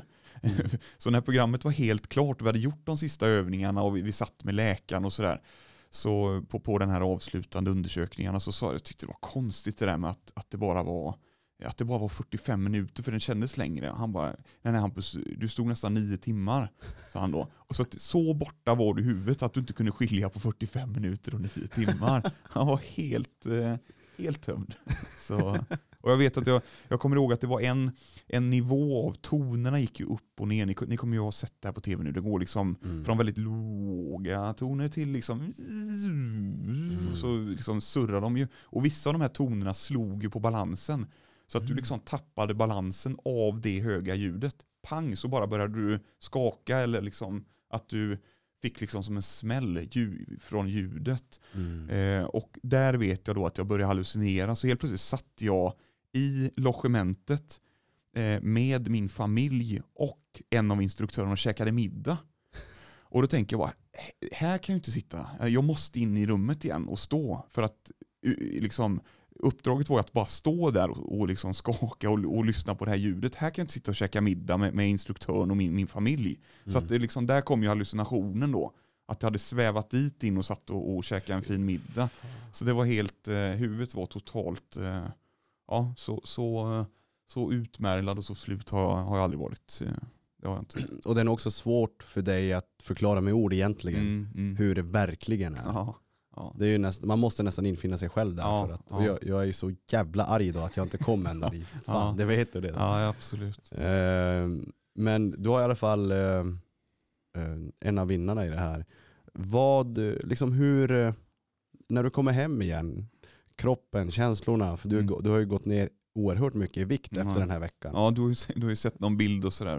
Vi får ju se vad, vad tv fångar upp, men, men det var ju, eh, alltså det, det gjorde ju, jag, jag kände mig sjuk. Alltså, eh, dels var jag ju väldigt glad över att vi hade klarat det, eh, jag och Thomas och Anthony då, eh, Mm. som, som, som kom, kom varandra nära på slutet och, och vi kunde tillsammans stå under resan hem och, och när vi åkte tillbaka så fick sova ordentligt. Vi kunde prata igenom det och eh, det, det var liksom, det var klok, kloka individer och så vrålstarka. Så det kändes bra att ha dem med sig och jag har, har god kontakt med dem nu, nu i efterhand också. Men direkt vi kom liksom till, eh, jag kände att jag behövde vila och, och sova. Så vi, vi blev körda, vi fick färjan tillbaka till Nynäshamn, ja, så blev vi körda. Eh, fel av mig, nu, nu säger jag helt fel. Vi, vi, vi fick en natt på Gotland först. Mm. Vi åkte från Enholmen med ribbåt tillbaks till Gotland, sov en natt där och då gjorde vi då, då kom ansvarig läkare ut, fantastiskt duktig, han, han satt med oss i princip en timme per person och gick igenom kroppen, gick igenom huvudet och ville se så att vi inte liksom, att vi fortfarande var med. Mm. Eh, och och det, var, det var vi alla tre, vi var glada över att det var klart och så hungriga så vi fick äta. De hade förberett fantastiskt fint eh, programmet och de ansvariga då så att vi, och de hade en bil som stod redo så att de körde eh, och, och köpte och sådär precis det vi ville. Men då ringde jag min familj eh, och då var Ida med, med min familj hemma. Mm. Så att jag ringde dem på, på Facetime då och då grät min, min mor och började gråta direkt. eh, De såg mig då. Alltså hon sa att hon, hon hade aldrig sett mig så liksom ris innan Mm. någonsin då. Så att man såg liksom drag i ansiktet och hals och eh, nyckelben och, och, och, det, och det var bara åtta dygn. Mm. Alltså, det, så, att så, så lång tid var det ju inte egentligen, men, men väldigt utmärglad och, och det var liksom det var ju problem, det berättar om att det här kommer bli problem läkarna, att eh, det, det kommer bli problem att sova och, Mm. eh, och sådär, mardrömmar och, och, det var det. Det var det under, eh, alltså det tog ju det tog många veckor innan jag kunde löpträna ordentligt igen och bära och sådär. Mm. det, det hade jag inte varit med om att återhämtningsperioden skulle vara så lång. Så att, Mm. eh, det var tufft, upp, upp på nätterna, det var ju svettningar och mycket drömmar var det. Mycket konstiga drömmar efter de här eh, timmarna där i rummet och sådär. Den tog, eh, den tog riktigt hårt. Så att, eh, eh, det tog en stund och, och nu, eh, nu sitter vi här och allting känns bra. Och, ja, det, det var ju så här konstigt, man fick lite blodad tand ändå, det kommer låta helt sjukt. Men det var, utmaningen var så ren och så. Uttömmande att, att eh, det, det, fanns definitivt någonting i det. Jag, jag hoppas att jag hoppas att programmet inte, att det inte blir för mycket liksom efterspel. Att det, det var ju Mm. liksom som, som med din skada och det var ju någon eller ett par till som, som liksom eh, fick skador. Jag jag hoppas att det inte blir som för er givetvis för, för eh, problematiskt utan Mm. att det blir en bra återhämtning för alla eh, och att, att det kommer spelas in fler säsonger. Mm, jag, ja, jag, tycker det här var jag tycker det var en fantastisk form av, av tv och av utmaning. För, för det jag känner när man, alltså liksom jag var där i ja, men drygt 48 timmar men jag kände mig redan som en ny människa när jag kom hem. Mm. Alltså, Mm. hur, för den präglar ju oss lite grann det här, det här Mm. testet. Mm. Det, det är ju så ultimat test. Mm. Så jag kände ju typ när jag kom hem från att, jag, vet, jag har inte heller gjort lumpen eller brytt mig om egentligen militära på, på det sättet. Jag gillar disciplinen men jag har inte varit så insatt i det. Men när jag kom hem sa jag bara, alltså fan, Sverige, alltså inför lumpen för alla. Alla måste testa överleva. Mm. För att vi får ju fram, vi lär ju känna oss själva och samarbeta Mm. på så på sådana sätt vi inte ens hade kunnat kanske förvänta av oss själva. Vi blir ju så starka och eh, på något sätt alltså nya, vi blir bättre människor Mm. Av överlevnad. Mm. Tycker jag i alla Mm. fall. och av att- få testa.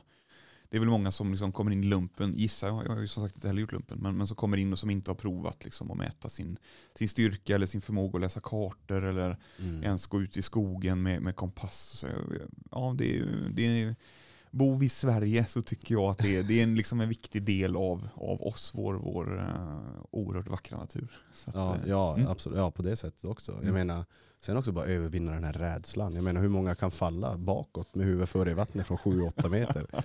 På kommando.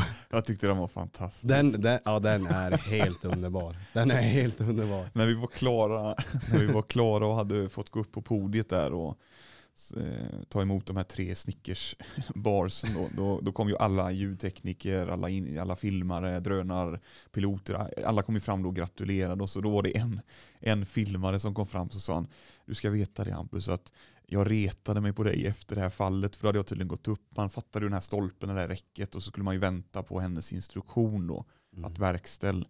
Och då ställde jag mig med armarna i kors så hade jag lätt tydligen, alltså jag log in i kameran. Och det var ju inte liksom meningen. Eh, alltså, det var ju inte men jag såg liksom fram emot och bara, ha, får bara, falla bak i vattnet. Eh, och, så då sa han att det retade mig, för, för då tyckte han att jag såg liksom överlägsen ut. Så han sa Mm. det, var du, kände du dig så jäkla överlägsen? Jag sa nej, det, det var liksom inte alls tanken. Jag tänkte bara att det här var en övning som verkligen passade mig. Bland Mm. allt annat så passade den liksom. så att, ja. Eh, nej, det, jag, är, jag menar, sen dag ett så har jag alltid haft dig som vinnare. Och jag hade ju rätt. Det är så skönt att känna att jag hade rätt. Det var väldigt snällt sagt. Ja, och, och eh, jag, jag är väl, det kanske låter kaxigt men jag tror att jag också hade varit där om jag hade bara fått hålla mig hel. Men Marcus han pucklar på mig rätt bra. ja, men jag är glad att jag inte gav upp i alla fall i fighten. Mm. Får se hur mycket det syns som Ja. sagt. Ja.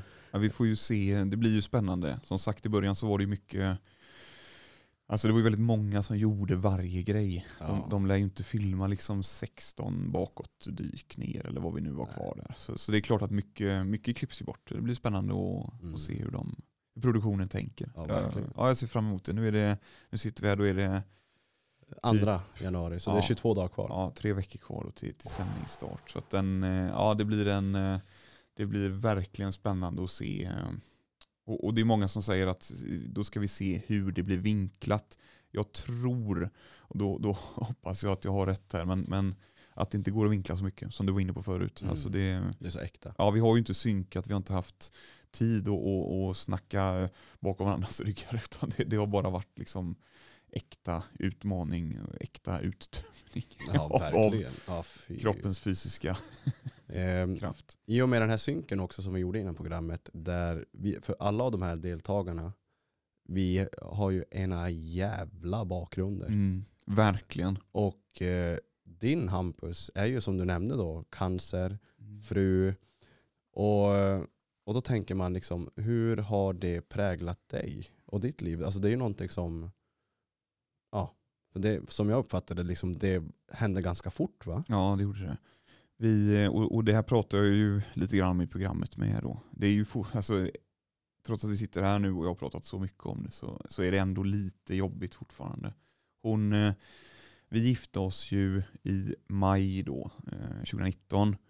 Eh, och så tog det, Ehm, vi gifte oss i maj och vi hade eh, beställt eh, bröllopsresa. Vi skulle flyga ner till Wien och lyssna på en, en konsert där. Skulle vi börja så och sen så skulle vi flyga från Wien över till typ Sydamerika för vi har ingen av oss varit i Sydamerika.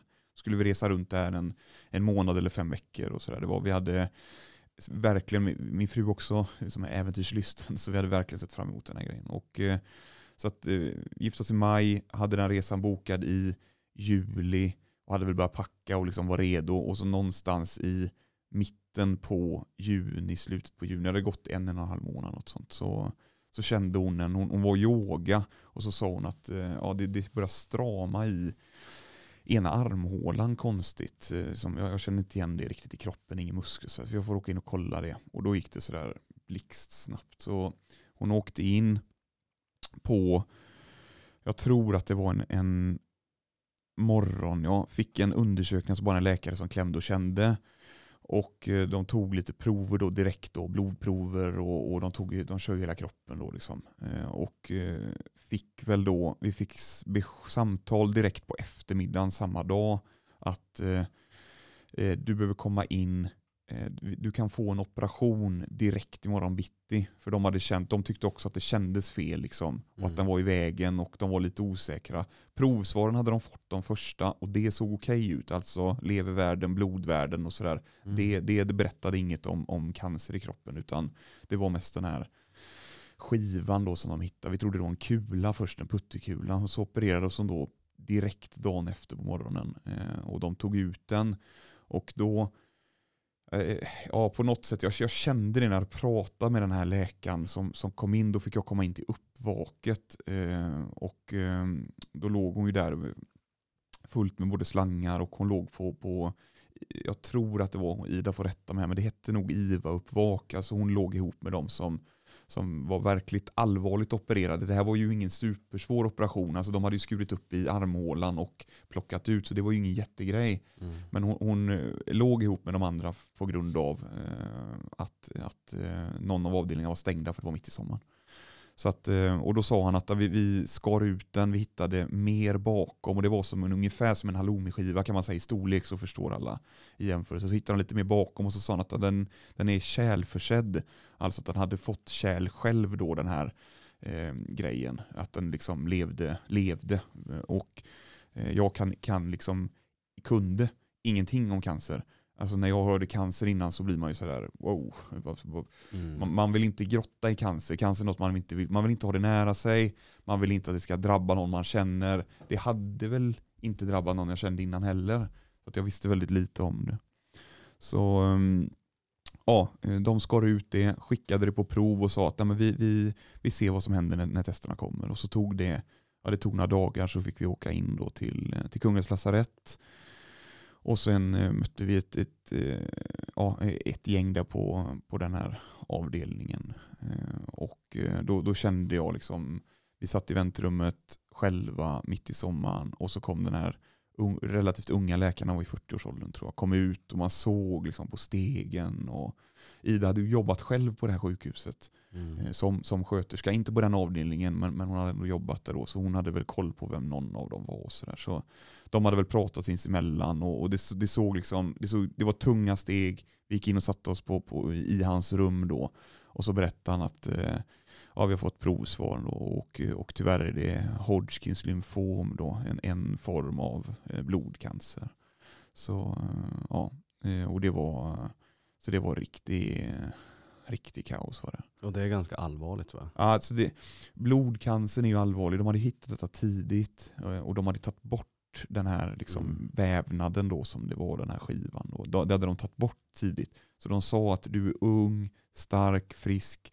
Det hade blodvärdena och så var bra i kroppen. Det var någonting de hade sett som de kunde härröra till i, i efterhand. Men de sa att det, det här kommer gå bra. Så de gav oss en jättebra chans. Liksom. Mm. Det var inte sådär att eh, du, du, vi, det var ingen dödsdom utan, utan vi hade liksom en, en eh, vad, vad säger man, en procentuell överlevnad på, på liksom över 90 procent. Och då tänkte ju Mm. liksom matematikern tänker ju att ja, det, här är, det, det, det här är lugnt. Du vet, opererar du blindtarmen så, så är det väl eh, någon procent eller en halv procent som liksom inte, Mm. inte klarar det.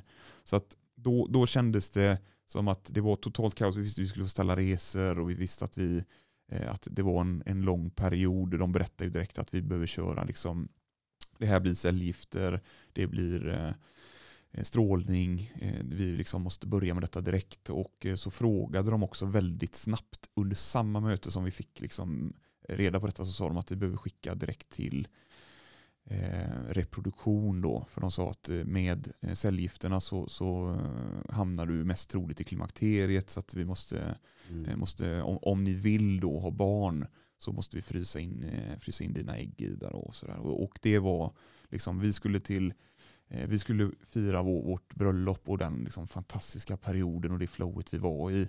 Eh, och, och så ville vi ju givetvis eh, starta en familj sen. Det, det är klart att det var planen. Mm. Eh, och, och nu var det liksom, vill ni frysa in äggen?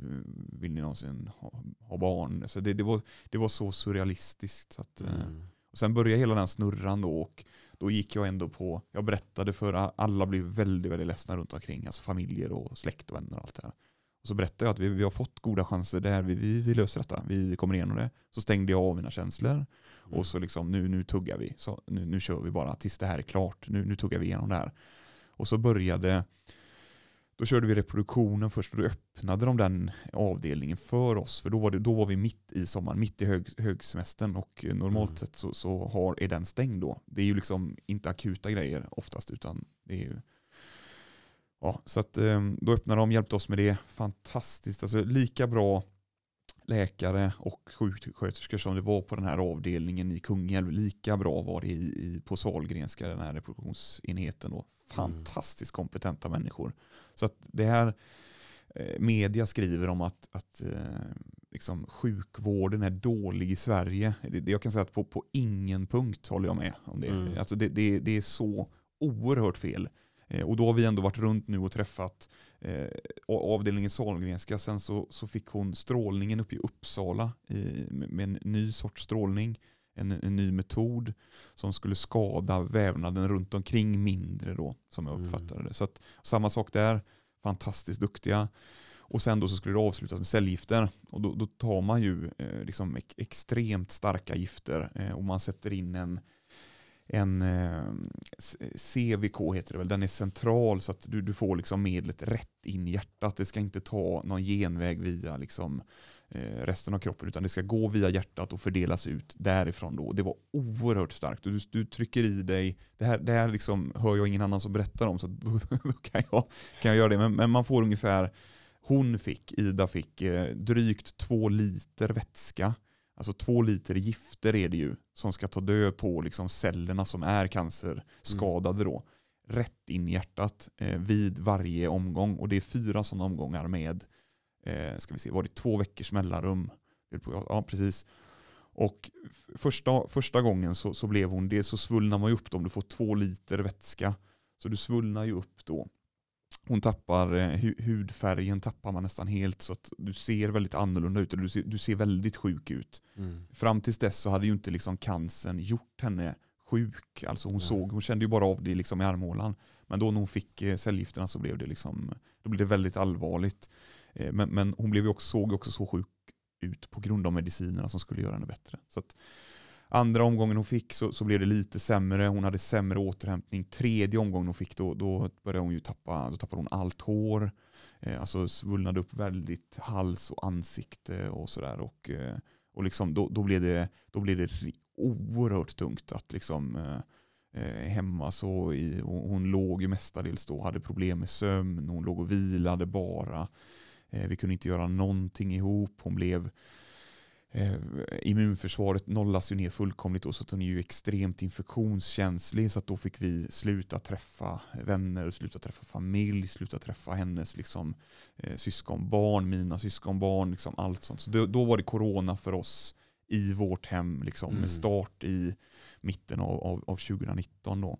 Och därefter så blev det, då hände det någonting med hennes hud så att hon fick, läkarna tyckte väl sig tro att, de, de visste inte vad det var, men hudlagren separerade. Så att kramade jag om henne liksom på, på kvällen runt axeln till exempel och, och, och liksom kramade lite, lite hårdare så, så blev det en, det började med att det blev en rodnad första dagen efter det och så två dagar senare så blev det ett stort sår. Tredje dagen så var det ett öppet sår. Hon hade alltså med över hundra liksom sår över hela kroppen. Eh, och, och för att hudlagren släppte då. Och då trodde de ju kanske att det här hade med cancern att göra och det blev betydligt värre då. För, för det, det, dels så kunde jag se att det här såg, alltså med mina ögon som är, som är icke-medicinskt kunnig, så Mm. såg jag att wow, det här ser riktigt illa ut. Liksom. Och även läkarna sa att vi vet inte riktigt vad detta är, om det är av medicinen eller om det är cancern som har tagit liksom, huden. Eller så. så då var det mer, då var det mer panik. Liksom. Fick du fortfarande gå till ditt jobb?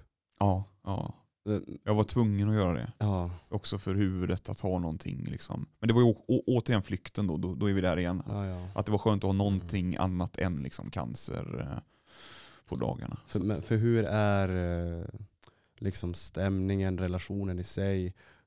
Flyter det på bra? Håller Ja, man det- sams eller blir det... det man håller absolut sams. Alltså, det är ju inte det att man, eller det är ju inte det att vi ska säga, för det är är ju bara hur, det blev för oss. Vi, vi började ju inte bråka, eh, vi, vi var inte osams, men det är som att kärleken, nu var det någon klok tjej, kvinna som sa det här till mig i efterhand, att under en cancersjukdom så sätts kärleken på paus. mm. Eh, och så blev det verkligen. Det, det kändes som att den flöt liksom isär bara. Man flöt sakta, sakta sådär bort. Man kunde Mm. inte kramas, man kunde inte, vi kunde inte göra någonting roligt ihop. Vi, vi var ju bara hemma. Eh, och Ida gillar ju att springa och göra yoga och åka på semestrar och så- sådär. Eh, och, och vi kunde inte göra något av det heller. Och vi kunde inte träffa våra vänner.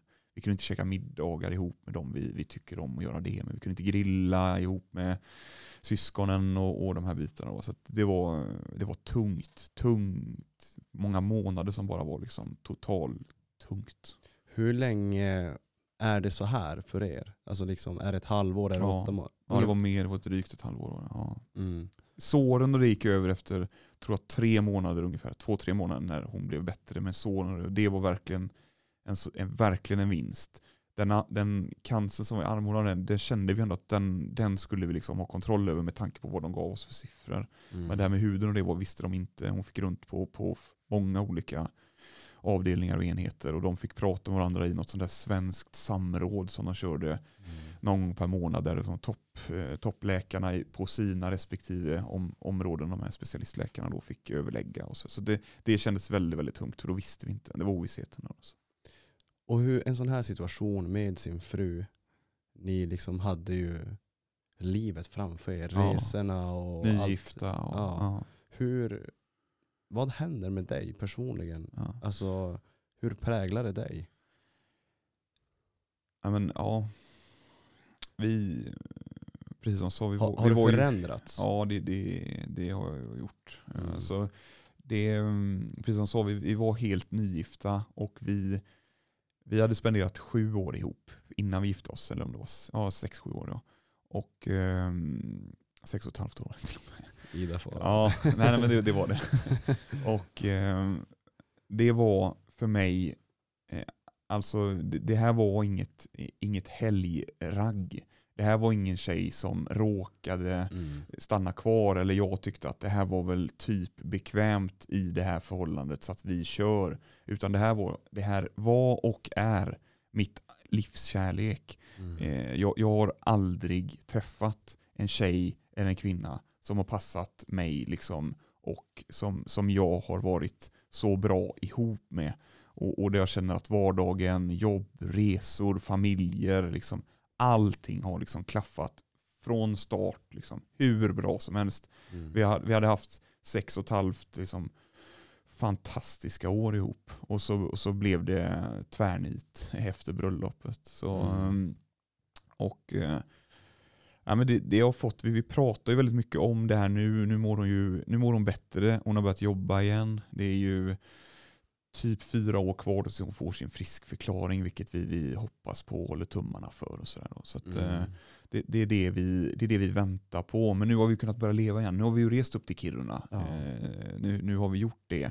Och eh, vi träffar våran, våra familj och våran släkt mer nu än vad vi gjorde då. Nu är det corona och den är ju väldigt eh, restriktiv nu så att vi kan göra det utomhus och vi kan, Mm. eh, men, men vi kan ändå komma närmare dem. Liksom, så att eh, det känns bättre. Men, men hur det har påverkat mig. Eh, jag har ju varit noggrann med liksom, karriär och jobb och liksom hyfsat. Jag ska inte säga att jag har varit materialist, för det har inte varit riktigt, men det har varit viktigt för mig att liksom uppnå saker och ting eh, som så här prestationsbaserad innan. Och det har fått sig en törn då. Eh, Det har jag fått prata med mina kollegor om på jobbet eh, och sådär. För, det har liksom förändrats lite grann. Nu, nu känner jag att om, och det är ju det de flesta andra säger också, om att hur, hur skört och hur snabbt det här gick från att vara liksom toppen av livet till att bli väldigt, väldigt tufft. Och eh, då, då finns det ju, helt plötsligt så, så kastades bucketlisten om. Liksom. Mm. Då, då var det saker som, eh, fasen nu, nu blir det lite bråttom här. Liksom. Mm. Nu, eh, nu vill man hellre åka upp till, till Kiruna och sätta sig 15 timmar på ett nattåg från, eh, från liksom Stockholm eh, för att eh, uppleva och träffa, träffa dig, uppleva naturen. Nu, nu, nu blir det viktigare än att Mm. eh, liksom, eh, sätta sig och, och kanske jobba över jul och nyår, eh, Mm. vilket vi i år eh, definitivt skulle ha gjort. Då. Så att, eh, det, mm, nej, det, det, har, eh, det har justerats lite. Eh, jag känner att förhållandet nu bygger på igen. Det har brutit ner under ett bra tag och nu, nu bygger vi igen. Eh, och det, det är viktigt. Jag, jag känner att vi har liksom vänt, kurvan har vänt nu. Mm. Det är bra. För det som är så härligt med er det är att ni är ju verkligen det här paret som ni håller hand, ni kramas öppet, ni pussas på stan, ni busar Ja. och, och ändå efter liksom snart åtta år så Ja. är ni så kärleksfulla. Ja, Det ser man inte hos, hos många. nej. Nej, och det är därför jag känner att det var, jag behövde en lång eh, testperiod. Jag vill inte gifta mig efter ett år eller två år, för då Ja. tycker inte jag man vet. Man Nej. hinner inte känna alla sidor hos en människa på, på den tiden, även om man bor ihop. Mm. Då hade vi testat sex och ett halvt år. Då, då, vi hade testat resa på flera platser. Resorna tycker jag är en, en sån, eh, Ja. en, en, eh, vad ska man säga, en, en, en riktig termometer. Man tar temperaturen i ett förhållande när man reser. Eh, och gör man inte det så testar man det nog inte fullt ut. Men, men vi som förlovningsresan var ju eh, Himalaya, eh, gå upp till det här baslägret på, på Everest. Och eh, då, då testade vi verkligen liksom dygnet runt eh, med, med, eh, under, under så sämre förhållanden. Och, och det var lika fantastiskt som allt annat vi har gjort. Så att, eh, Mm. det var bara att och, och, liksom köra det fullt ut med giftermål och allting. Så, och vi har det fantastiskt. Nu, Mm.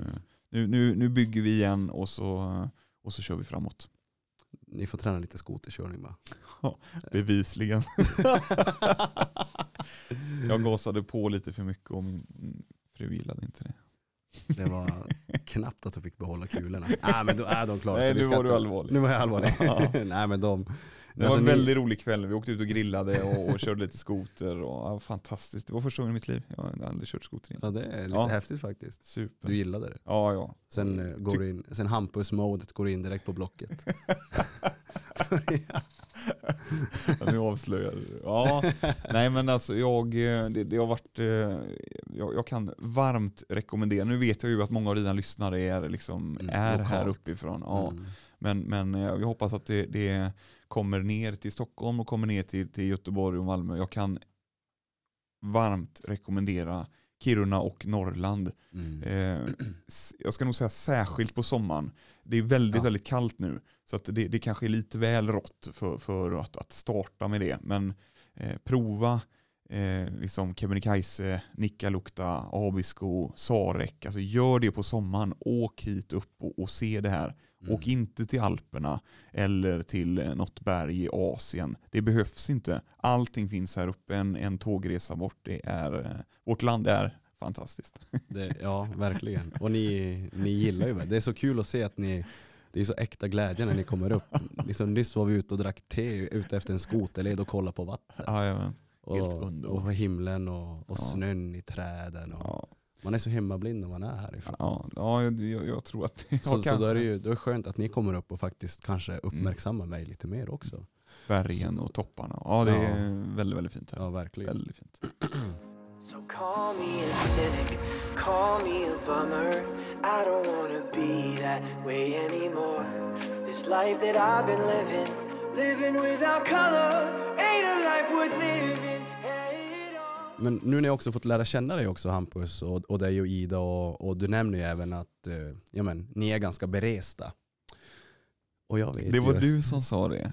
var det jag som sa det? Ja. Ja, jag hävdar att jag inte är berest. Att det är väldigt mycket kvar att se. Men eh, okej. Men, men ni, du och Ida har sett många platser på den här jorden. Och jag vet att eh, du berättade också en väldigt intressant story för mig. Var det, var det Mellanöstern? Ja, det stämmer. Vad händer? 2000, eh, idén började väl typ 2014 och så blev den så stark 2015 så då, då bestämde jag mig för att åka. Eh, och, och det var ju i en period där eh, flyktingströmmen till Sverige var, eh, var, var, var som eh, den pikade. Mm. Det kom ju över 100 000 flyktingar. Jag bodde i Göteborg, det var en, liksom en het potatis med, med de här flyktingboendena, med eh, liksom eh, vinster i, i, i att driva det. Eh, det, det var, och, och- så liksom bottnade detta någonstans i, i det politiska, att, att det blev en, en, det blev då, nu är jag ju ung, men, men då upplevde jag att det blev en, en extrem delning i, i det svenska folket i vad man tyckte och tänkte om hur, hur det här ska hanteras. Och eh, vi tycker och tänker det när vi bor i eh, Sverige och vi, vi kanske inte liksom vet riktigt. Jag kände i alla fall för egen del att det är svårt för mig att bedöma om vi ska eh, ta emot flyktingar, eh, vilket var liksom ena ledet då, eller eh, säga eh, nej, vilket var, var andra ledet då. Mm. Hur, hur ska man tänka i det här? Och det tyckte jag, det bottnade ändå i väldigt mycket människor som, som var i, i extrem behov av, eh, av hjälp. Mm. Eh, Så då tänkte jag att då, jag, behöver, jag behöver se, eller jag behöver bilda min egen uppfattning om vad, vad är det de flyr ifrån, eh, Eh, vad, vad, hur, hur, tänker de, hur eh, liksom mår de när de, när de flyr, vad, vad har man flytt ifrån, vad är det man tänker att man ska till? Och så. Så att jag bokade, eh, bokade resa, eh, jag flög med, med två mellanlandningar till Israel, eh, Tel Aviv då, så, som är liksom en, en fullt fungerande, väldigt vacker eh, stad. eh, Eh, i Israel. Eh, och så liksom en stor flygplats och, och säkert och sådär då va. Ligger ju norr om den här Gazaremsan. Så de, de, det var väl det som var liksom risken där, att, att de hade Ja, det, det var väl lite små bombningar och det var väl lite osäkert. Men jag tänkte jag flyger dit. Eh, jag hade inte särskilt mycket pengar så att flygresan var betydligt billigare dit. Och så hyrde jag en bil där och skulle köra då eh, genom Israel, genom Jerusalem och upp i eh, Jordanien till deras huvudstad Amman och vidare till ett, ett flyktingläger som hette Al-Zatari som låg i eh, norra Jordanien, eh, precis vid gränsen eh, mot Syrien. Då. Så att det var dit de syriska flyktingarna kom, kom först. Och eh, kände att då, då, jag kan åka dit, det var ju ändå i, liksom i eh, i trygghet, för jag skulle inte in i krigszonen, utan jag, skulle, eh, jag, jag ville åka dit och se. Jag, jag läste på mycket om det här, Eh, om flyktingkrisen, om det jag kunde, om liksom flyktingströmmen, om, om vägen de tog. Eh, och så blev det liksom, det som avgjorde det, det var en bild. Nu, nu är ju detta en podd så vi kan inte visa den, men det var en bild på en liten kille, jag tror att de flesta har sett den här bilden, som går genom öknen. Han är tre år gammal och eh, de fotar, det är ett oerhört vackert kort. Eh, De fotar honom när han kommer bärandes på en, jag tror att det är en tygkast eller om det är en plastpåse. Eh, och så är det två stycken hjälparbetare från Unicef som är framme och fångar upp honom. Han går själv, den här tre år gammal och går själv. Och då vet de ju inte om, förmodligen så har ju hans familj gått lite före. Det kan ju varit bara några hundra meter före och så har de lyckats att fånga det här kortet. Men det ser ut som att han har gått själv genom öknen. Och de gick ju rätt så många mil för att komma över gränsen då från Syrien. Och då tänkte jag att alltså det, det, det kan inte vara så att det ska gå treåringar genom öknen när jag satt hemma liksom varmt eh, på, i, en god lägenhet på, på Hisingen i Göteborg. Det, det måste kunna, vi måste kunna erbjuda mer än, än det här. Så långt som vi har kommit med mycket annat. Så att, eh, då tänkte jag att, att åka dit ner och, och liksom få den insikten. Och se om jag då kunde göra någonting Mm. kunde hjälpa till. Det var ju extremt naivt. Men, men det visste jag ju inte då. Så att eh, åkte, jag åkte, hyrde en liten Chevrolet Spark, en, en bil, och åkte genom, eh, genom Jerusalem där på, på natten vet jag. Eh, och eh, fick se det, stannade på någon mack där för att tanka och köpa lite käk och så körde jag vidare. Och då hade det stått att, att gränsen var, och jag kommer berätta detta i programmet med för de frågade väldigt mycket om det här. Så det stod att gränsen över till, till Jordanien var liksom öppen, stod det bara när jag kollade det här på, på eh, deras eh, land, länders respektive hemsidor. Då. Så att, så, men det var det ju inte, det var ju stängt när jag kom på natten då. Så, så att Mm. jag hittade, det var tre övergångar man överhuvudtaget kunde köra över, resten var liksom eh, elstängsel och väldigt hög taggtråd. då. Så att, eh, och då ställde jag mig där i bilen och, och vilade. Eh, och eh, jag tänkte att jag sover, jag kom på natten kanske tre, fyra fram på morgonen så stod det att gränsen skulle öppna kanske vid nio. Något sånt. Så att jag, jag, jag la mig, fällde sätet så tänkte jag jag lägger mig och sover några timmar då så kör jag över när det öppnar imorgon då. Ställde mig på en stor liksom utanför den här eh, gränsöppningen då, gränsövergången. Och då kom det ju, så vaknade jag på morgonen av liksom en sån här eh, metall mot metallljud, ett sånt knackande. Och, och så upp, upp fort då, så vad är det som händer liksom? Och då stod de ju, då hade de eh, kommit fram i en sån här eh, Mercedes G-klass militären då och så stod utanför med ja, någon av dem eller några hade ju som riktade vapen, automatkarbiner eh, och jag hade liksom inte gjort något, jag, jag hade bara ställt mig och sovit men de tyckte att jag hade ställt mig he- på helt fel ställe. Jag stod för nära gränsöverfarten, jag skulle ställt mig några kilometer innan, det, var liksom, det fanns inga skyltar på det utan jag ställde Mm. mig där det passade, liksom, där det fanns en parkering. Så att, där, där gjorde jag helt fel. Och så fick jag åka till nästa gränsövergång, fick ta någon buss över. Jag fick inte ta bilen ur landet. Det var helt, eh, det, gick, det, det skulle aldrig komma på frågan då. Eh, Så hade jag med mig, eh, för jag tänkte jag skulle träffa barnen och så där uppe. Och så hade jag med mig du vet, fotbollar, ritblock, hade med mig en sån här 90 liters väska med grejer. Och kom igenom där det tog några timmar och de delade ju på allt. eh, Liksom, skar sönder någon av fotbollarna. Så här, de ville ju se så att jag inte hade droger med mig eller något annat. Eller Ah, vapen och så, okej, så ja. Det var ju, det, det borde jag ju tänkt på också givetvis, men vad vet man eh, liksom, från trygga Sverige? vad vet man om, om sådana här gränsövergångar i Mellanöstern? Så, att, eh, så åkte jag upp till, direkt upp, jag tog, fick ta taxi, de här, det var typ 30 mil tror jag, upp till den här eh, eh Al-Satari Camp då. Och då kom jag dit upp, jag hade haft kontakt med både Rädda Barnen och Unicef, jag hade fått lite kontaktpersoner och, och som jag då skulle träffa eller möta. Och så då. Jag, jag märkte ju, för det var en liksom lång svarsfrekvens, det tog lång tid att få svar och jag förstod inte riktigt varför. Jag skulle vara där typ 10 dygn eller 12 dygn. Eller något sånt. Så jag tänkte då kan man komma in och få liksom förhoppningsvis sprida någon form av glädje. Eller träffa dem och prata med dem, höra deras historier. Eh, prata lite med kidsen, se om man kan Mm. bli lite fotboll och liksom ha, ha, få några dagar där som skulle vara liksom glädjefyllda. Se om de behövde hjälp med liksom matransoneringen eller bespisningen. Jag, jag visste inte hur det funkar. Så jag, och, och det kom inte på tal. Alltså jag kom ju dit till lägret, det var ramadan, så att det var, de hade inte käkat. Så de här eh, eh, hjälporganisationerna sa till mig att vi, vi kan inte släppa in eh, vi, vi är inte ens själva där inne just nu eh, eftersom att det är det var, lägret var avsett för typ 15 000 personer. Mm. Alltså tänk dig 15 000 samlade i ett läger. Nu var det 80 000. Eh, alltså det var 80 000 krigsflyktingar då som kom via det här lägret eh, och, och där de inte riktigt, där de höll på att liksom tappa greppet eh, för att det, det, bara, det bara vällde in. Liksom. Det vällde in 3 till 4 000 per dygn Mm. kunde det göra på nätterna då, om det var fritt från stridsvagnar. Och där. Så, så det var ju som, eh, jag, jag pratade med dem utanför lägret, jag fick åka till, jag åkte till träffade Rädda Barnen i deras eh, huvudkvarter i Amman. Jag fick åka med ut till ett annat läger och där Mm. flyktingar hade kommit lite längre i liksom asyl, asylprocessen då, eller kommit vidare ur lägret då. Där de tyckte att det var tryggare för mig. Så att, eh, då, då fick jag träffa dem. Jag åkte och bodde ihop med något gäng och träffade någon, någon skolklass. Och så det var fantastiskt att få. Men den här resan gjorde du själv? ja, det var helt själv. Ja, Ida var hemma. Mm. Så det, just det, det skulle jag ha sagt i början. kanske. Ja, men inte göra något. Nu fick vi ju svar på det. Ja, precis. Och, och det är liksom för att, eh, ska man säga då inom situationstecken, bara vill se hur det verkligen är. Ja, jag ville träffa dem. Ja.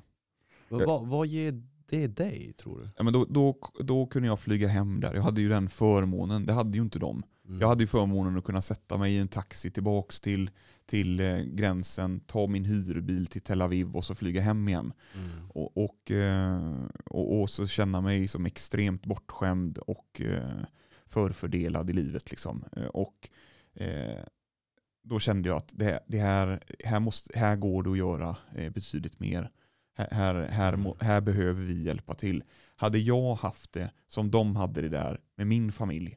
Alltså vi har ju, vi har ju en, en fint fungerande demokrati, har haft det under extremt lång tid. Vi har kompetenta ledare, tycker jag. Oavsett partitillhörighet så är det väldigt duktiga ledare vi har. Eh, jag, jag tänker för Sverige, och det här ska man väl absolut inte prata om i podd, men jag, men jag tänker att eh, det, det kanske inte spelar så jättestor roll vilket parti so, so, som driver vårt land. Jag tror att det hade blivit väldigt bra oavsett för att det finns inte så jättestor spelmån. Alltså det, det, gränserna är liksom eh, barriärerna där de börjar studsa och inte vinner folket. De, de ligger rätt så snävt oavsett parti. Då. Så att, Mm. eh, det, det, det var bra att få en, en uppfattning om att här, här behöver vi hjälpa till mer som land. Det, det, det känner jag verkligen. Mm. Så är frågan bara hur, hur gör vi det bäst då? Mm. Och eh, ja, vi, vi, har, eh, vi har en kille som har flyttat in hos oss som, som en, en fruktansvärt duktig, eh, duktig ung kille från, eh, från Afghanistan, från Kabul, Mm. som, eh, som har bott hos oss i ett och ett halvt år. Jobbar och sliter och, och har familjen kvar hemma då och sådär. Så honom, honom har vi hjälpt det vi har kunnat. Jag tänker om man kan försöka hjälpa en eller liksom Mm. en halv person per, per svensk invånare. Eller om, om var tionde svensk kan försöka hjälpa någon. Och det kanske inte behöver vara hemma. Man kanske inte behöver ta in någon i sitt hem om det känns konstigt. Utan man kanske ska hjälpa någon på plats. Det, det, det är ju där, det, det är där landet delar sig just nu. Hur, hur ska vi göra liksom? Mm. Så att, eh, nej, det, det, det är en, en hjärtefråga för mig och eh, när jag nu har lärt känna honom, när han har liksom bott hos oss under, under 18 månader, så, så är skillnaden mellan oss som människor och oss som personer oerhört liten. Om jag ska säga att det överhuvudtaget finns någon skillnad. Nu har ju han en annan religion och en annan tro och det är ju också en, en, en debatt då. Vad, vad, vad ska vi eh, tillåta och, och vad ska vi sådär eh, Mm. göra. Och, och, och även med liksom en annan tro så ser jag ju att han, eh, den här killen jobbade, när jag lärde känna honom så jobbade han dubbla jobb. Eh, Alltså han jobbade, han gick på natten till ett, ett bageri i Göteborg och så åkte han vidare på, på dagtid och körde en, en restaurang där han dessutom då eh, efter fyra, fem månader blev, blev förman eh, i den här restaurangen och hade lite anställda under sig och sådär. Så, så, superdriven kille, eh, betalar skatt precis som alla andra, bidrar och vill att liksom, eh, Eh, det ska vara, fungera bra i samhället, eh, vill liksom att allt ska funka, att hans barn ska gå i skolan, att de ska växa upp, få en utbildning, få ett bra jobb. Eh, han, han vill inte, eh, som många tror, liksom, förstöra, han vill inte gå på bidrag, han vill inte liksom dra ner, han, han vill bidra. Så att, eh, och då ser jag ingen anledning till eh, varför vi inte ska, ska hjälpa till. Mm. Ehm, Så att, eh, ja, det, det, är, det är en hjärtefråga. Jag hoppas att vi får en bättre lösning på det här. Det, det kan gräma mig. Det är någonting jag funderar på väldigt mycket kan jag säga. Mm. Så, så att den här resan ner till Mellanöstern, den har gjort dig gott så att säga? Ja, det, det tycker jag. Ja. En- Det kändes som en, en naiv resa där jag lärde mig väldigt mycket och där jag förhoppningsvis liksom framöver då kommer kunna, kommer kunna hjälpa till. Det, det hoppas jag. Och framförallt kan jag tänka mig uppskatta det vi faktiskt har. Ja, Hur bra vi har det. mycket. Ja. Oerhört mycket. Bara att kunna dra på en kran och det rinner Mm. liksom färskt, kallt och varmt vatten. Mm. Det är, eh, det är en sån förmån ute i världen så att vi anar inte. Mm, verkligen. Men det här är ju också den humana Hampus som jag i alla fall har fått lära känna. Så jag är inte förvånad när du berättar en sån här grej för mig, att du faktiskt gör, gör det här. Så det är väldigt fint. Ja, det var snällt sagt. Men eh, ja. Mm. Hörru du, Vi kanske kan göra det ihop framöver. Vi får se. Oj vågar jag få dit? Men sitter här med fördomar att fan det är krig och det smäller. Och... Ja. Men eh, ja, vi ska ju bestiga Mount Everest också. Mm, den har vi ju på listan. Definitivt.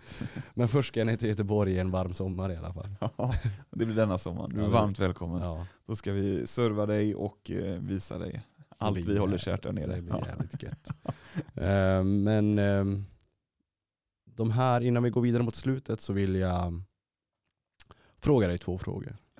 Spännande. Och eh, den första är ju då såklart om Hampus Winklo får eh, sätta sin prägel på livet, tips och tricks som vi ska ta med oss kortfattat då.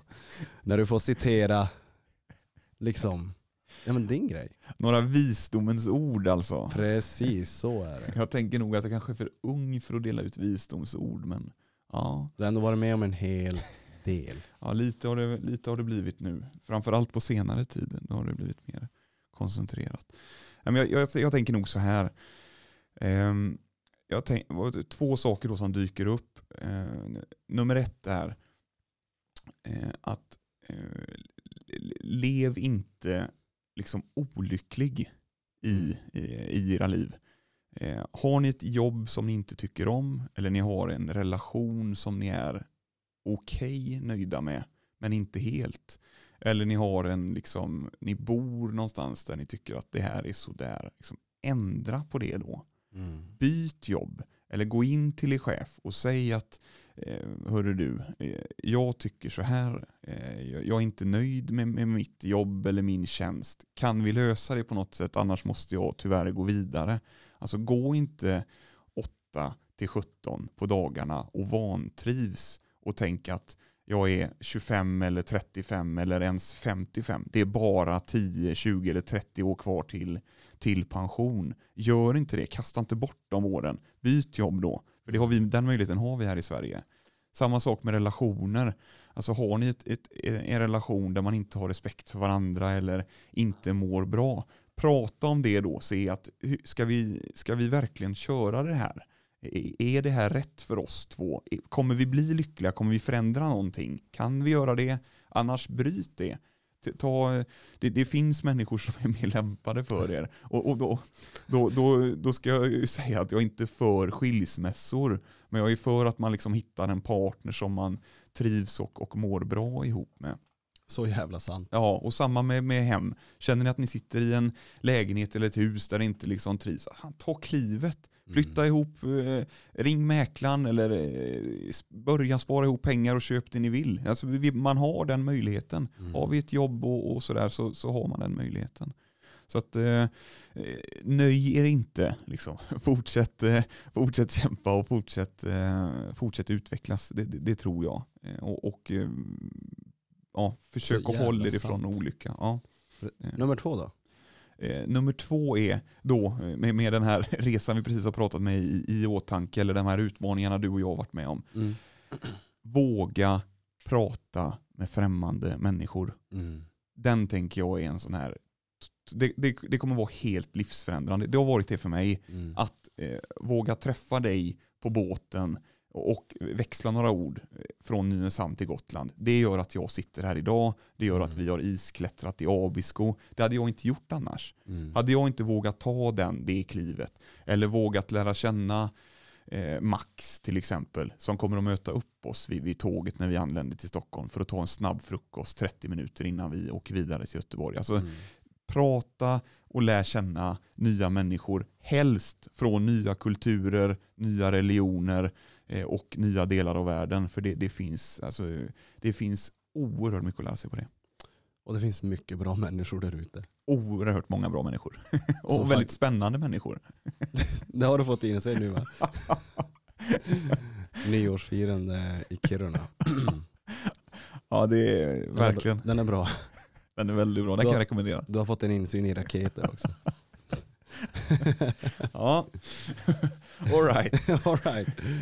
Eh, Den är bra. Jag, jag diggar den. Där. Riktigt bra svar Hampus. Tycker du? Ja den är, den är bra. Det, du fick upp mina ögon också. Mm. Även om jag är likasinnad med dig i, i din filosofi så är det viktigt även för mig att få höra det då och då. Mm. För att vara mer eh, uppmärksam på det. Att men fan kom igen nu, håll Mm. dig till det här. Mm. För det är verkligen sant. Mm. Så det är riktigt bra. Mm. Eh, my last question. Mm. Fem år Hampus, drömmar, planer. Vart är du? O- Om fem år eller? Ja fem- precis, Ah, om fem år från idag. Den 2 januari Mm. 2026. 2026. Nu vet jag, jag kan tänka mig att du är eh, kanske lite mer dag för dag, du och Ida kommer Mm. från cancern och sådär, Mm. att man uppskattar här och nu. Mm. Men om du får släppa lös lite grann, Mm. drömmar och planer, Mm. vart är du då? Nej, vi har ju, jag har ju ett, ett jobb nu som jag trivs väldigt, väldigt bra med. Eller Framförallt så trivs jag väldigt bra ihop med, med mina kollegor. Eh, Så det, det eh, känner jag, när många andra säger att om, om fem år har jag ett nytt jobb eller sådär, det, det har inte jag. Mm. Om fem år vet jag precis vad jag är yrkesmässigt. Det känns skönt. Mm. Eh, om fem år så tänker jag att äventyrsdelen har fått ta eh, några nivåer till, eh, förhoppningsvis några bergstoppar till. Eh, jag tänker att jag har sett lite fler delar av världen. Jag tänker att jag har i, i närtid en hel del till att eh, åstadkomma när det gäller att lära känna de här människorna som vi har gjort den här utmaningen med på Gotland. För det, det är, precis som du sa förut, det är väldigt unika historier. Så att det vill jag, där vill jag djupdyka mer. Eh, Där finns väldigt mycket att hämta. Eh, starka, duktiga och eh, livserfarna människor. Så att det ska jag, den, den chansen ska jag ta medan det liksom är, är hett Mm. smida det järnet. Och så på privat så hoppas jag att jag och Ida har, har kommit längre givetvis i, i vårt förhållande. Eh, Jag, eh, 2026 har vi familj. Mm. Eh, Det kan jag säga med nästan absolut säkerhet. Eh, Och med det är det inte säkert att vi har eh, egna barn. Men vi kommer ha barn. Mm. Så att, ja, eh, typ så. Du har en plan i alla fall? Ja, vi, vi, har, Ni har en plan? vi har absolut en plan. Mm. Och så, så får vi se hur, hur mycket av detta som, som faller in då. Nu, nu har vi ju en, i samhället en eh, superutmaning i, i det här med eh, coronan. Mm. Så får vi se vart det landar först här. Det känns ju inte som att vi, vi greppar det. Nu har ju vaccinet kommit och de första doserna har precis gått ut nu när vi sitter och pratar här. Mm. Får vi se vart, vart liksom det tar vägen. Eh, Det är ju, allt annat är underkastat egentligen. Ja, fa- familjen är klart, det, det klarar vi av ändå, men det mesta andra är ju liksom underkastat eh, vad som coronans utveckling. Mm. Och sen har vi en miljö, eh, miljörörelse med, med liksom Greta i spetsen som växer sig eh, väldigt, väldigt stark. Där det kommer människor som, som nu är 14, 15, 16, 17 år eh, som kommer med, med nya krav och kunskaper i, i, i miljö som eh, vi andra eh, som är då dubbelt så gamla eller, eller äldre, eh, de kraven har inte vi, men- de kommer ha det. Så det kommer också förändra mycket. Mm. Eh, Jag är inte säker på att vi 2026 kan eh, flyga hur vi vill till Mexiko. Förmodligen kommer vi göra det, det är det är väl löjligt att tro något annat. Men, men eh, det, det kan vara så att, att det är sån utopi att Mm. bränna iväg på en semester. Att, att man har någon form av budget satt i, i koldioxidutsläpp eller, eh, eller flygbranschen har, har eh, på, på utvecklats åt något annat håll. Så, att, att vi är bundna till tåg eller bundna till, till eh, ja, andra former av, av transportsätt. Så så vi får Mm. se. Men, men ja, det var ett långt svar på en, på en kort fråga. Men, men det, det, är mycket, det är mycket kvar att, att, att uppleva och om fem år så tror jag det har hänt. Med tanke på vad, vad som har hänt, om jag kollar fem år tillbaka så känns det som att det kan hända precis vad som helst. jag, jag ser liksom verkligen fram emot, jag, jag med öppna armar ser fram emot alla människor jag kommer lära känna och alla ställen vi kommer besöka. Har du gjort mer tv om fem år? Har jag gjort mer tv om fem år? Den var ju bra. Det var någon som frågade om, jag, om det var liksom Robinson eller Farmen nästa och eh, svaret på den frågan är nej. Mm. det, det tänker jag inte att det är. Sen så, så får man väl se vad, vad detta utmynnar i eh, när programmet släpps och sådär. Det, Mm. det, kan, det kanske blir någon, eh, någon grej ihop med, med Anthony och Thomas. Eh, men, men det är ingen Eh, det, det, det är ingen målsättning för mig att, att mitt ansikte ska börja synas mer i tv. Det är det inte. Svenska folkets Hampus. Ja, Den, oj oj oj. Nu blir det, det är för mycket. Ja, det, det känns som alldeles för mycket att leva upp till. Jag, jag tror inte att jag, ja, nej jag tror inte att jag är bra i tv. Eller så. Jag, jag, tror inte det. jag tror inte jag är liksom någon sån, ja, nej vi kan se. Det hade, det hade varit extremt roligt däremot, om jag får omformulera mig, att få någon del i, i eh, serie nummer två, eller liksom eh, år Mm. nummer två av den här elitstyrkans hemligheter. Om man skulle kunna få något hörn där man är med och, och arbetar med produktionen eller sådär, Mm. helt utan att synas. Ja, ja. Det hade jag tyckt var oerhört spännande. Mm. För det var också, det var också både på TV4 och Jarowski och eh, de här instruktörerna var ju, alltså det, var väldigt kompetenta människor på Mm. alla positioner. Verkligen. Eh, Så eh, det håller du säkert med om. Det håller jag verkligen Ja, med om. ja. Så nej. Hampus, jag vill bara tacka för att du valde att göra det här med mig. Tusen tack för att jag fick komma och ställa upp i podden Det är, det är nära. Ja. Och Alltid roligt att få prata med dig. Hörru du, med de orden så får vi säga på återseende. På återseende. Ja. Och hej då med er där Ja. ute. Gott nytt år på er. Tack till alla lyssnare. Mm. Gott nytt år. Det här kommer jag släppa i mars typ. Och så, men vi sitter ju här andra. Ja, just det. Just det. Gott nytt år. God Gott- fortsättning. bara. God fortsättning. hej då. Hej.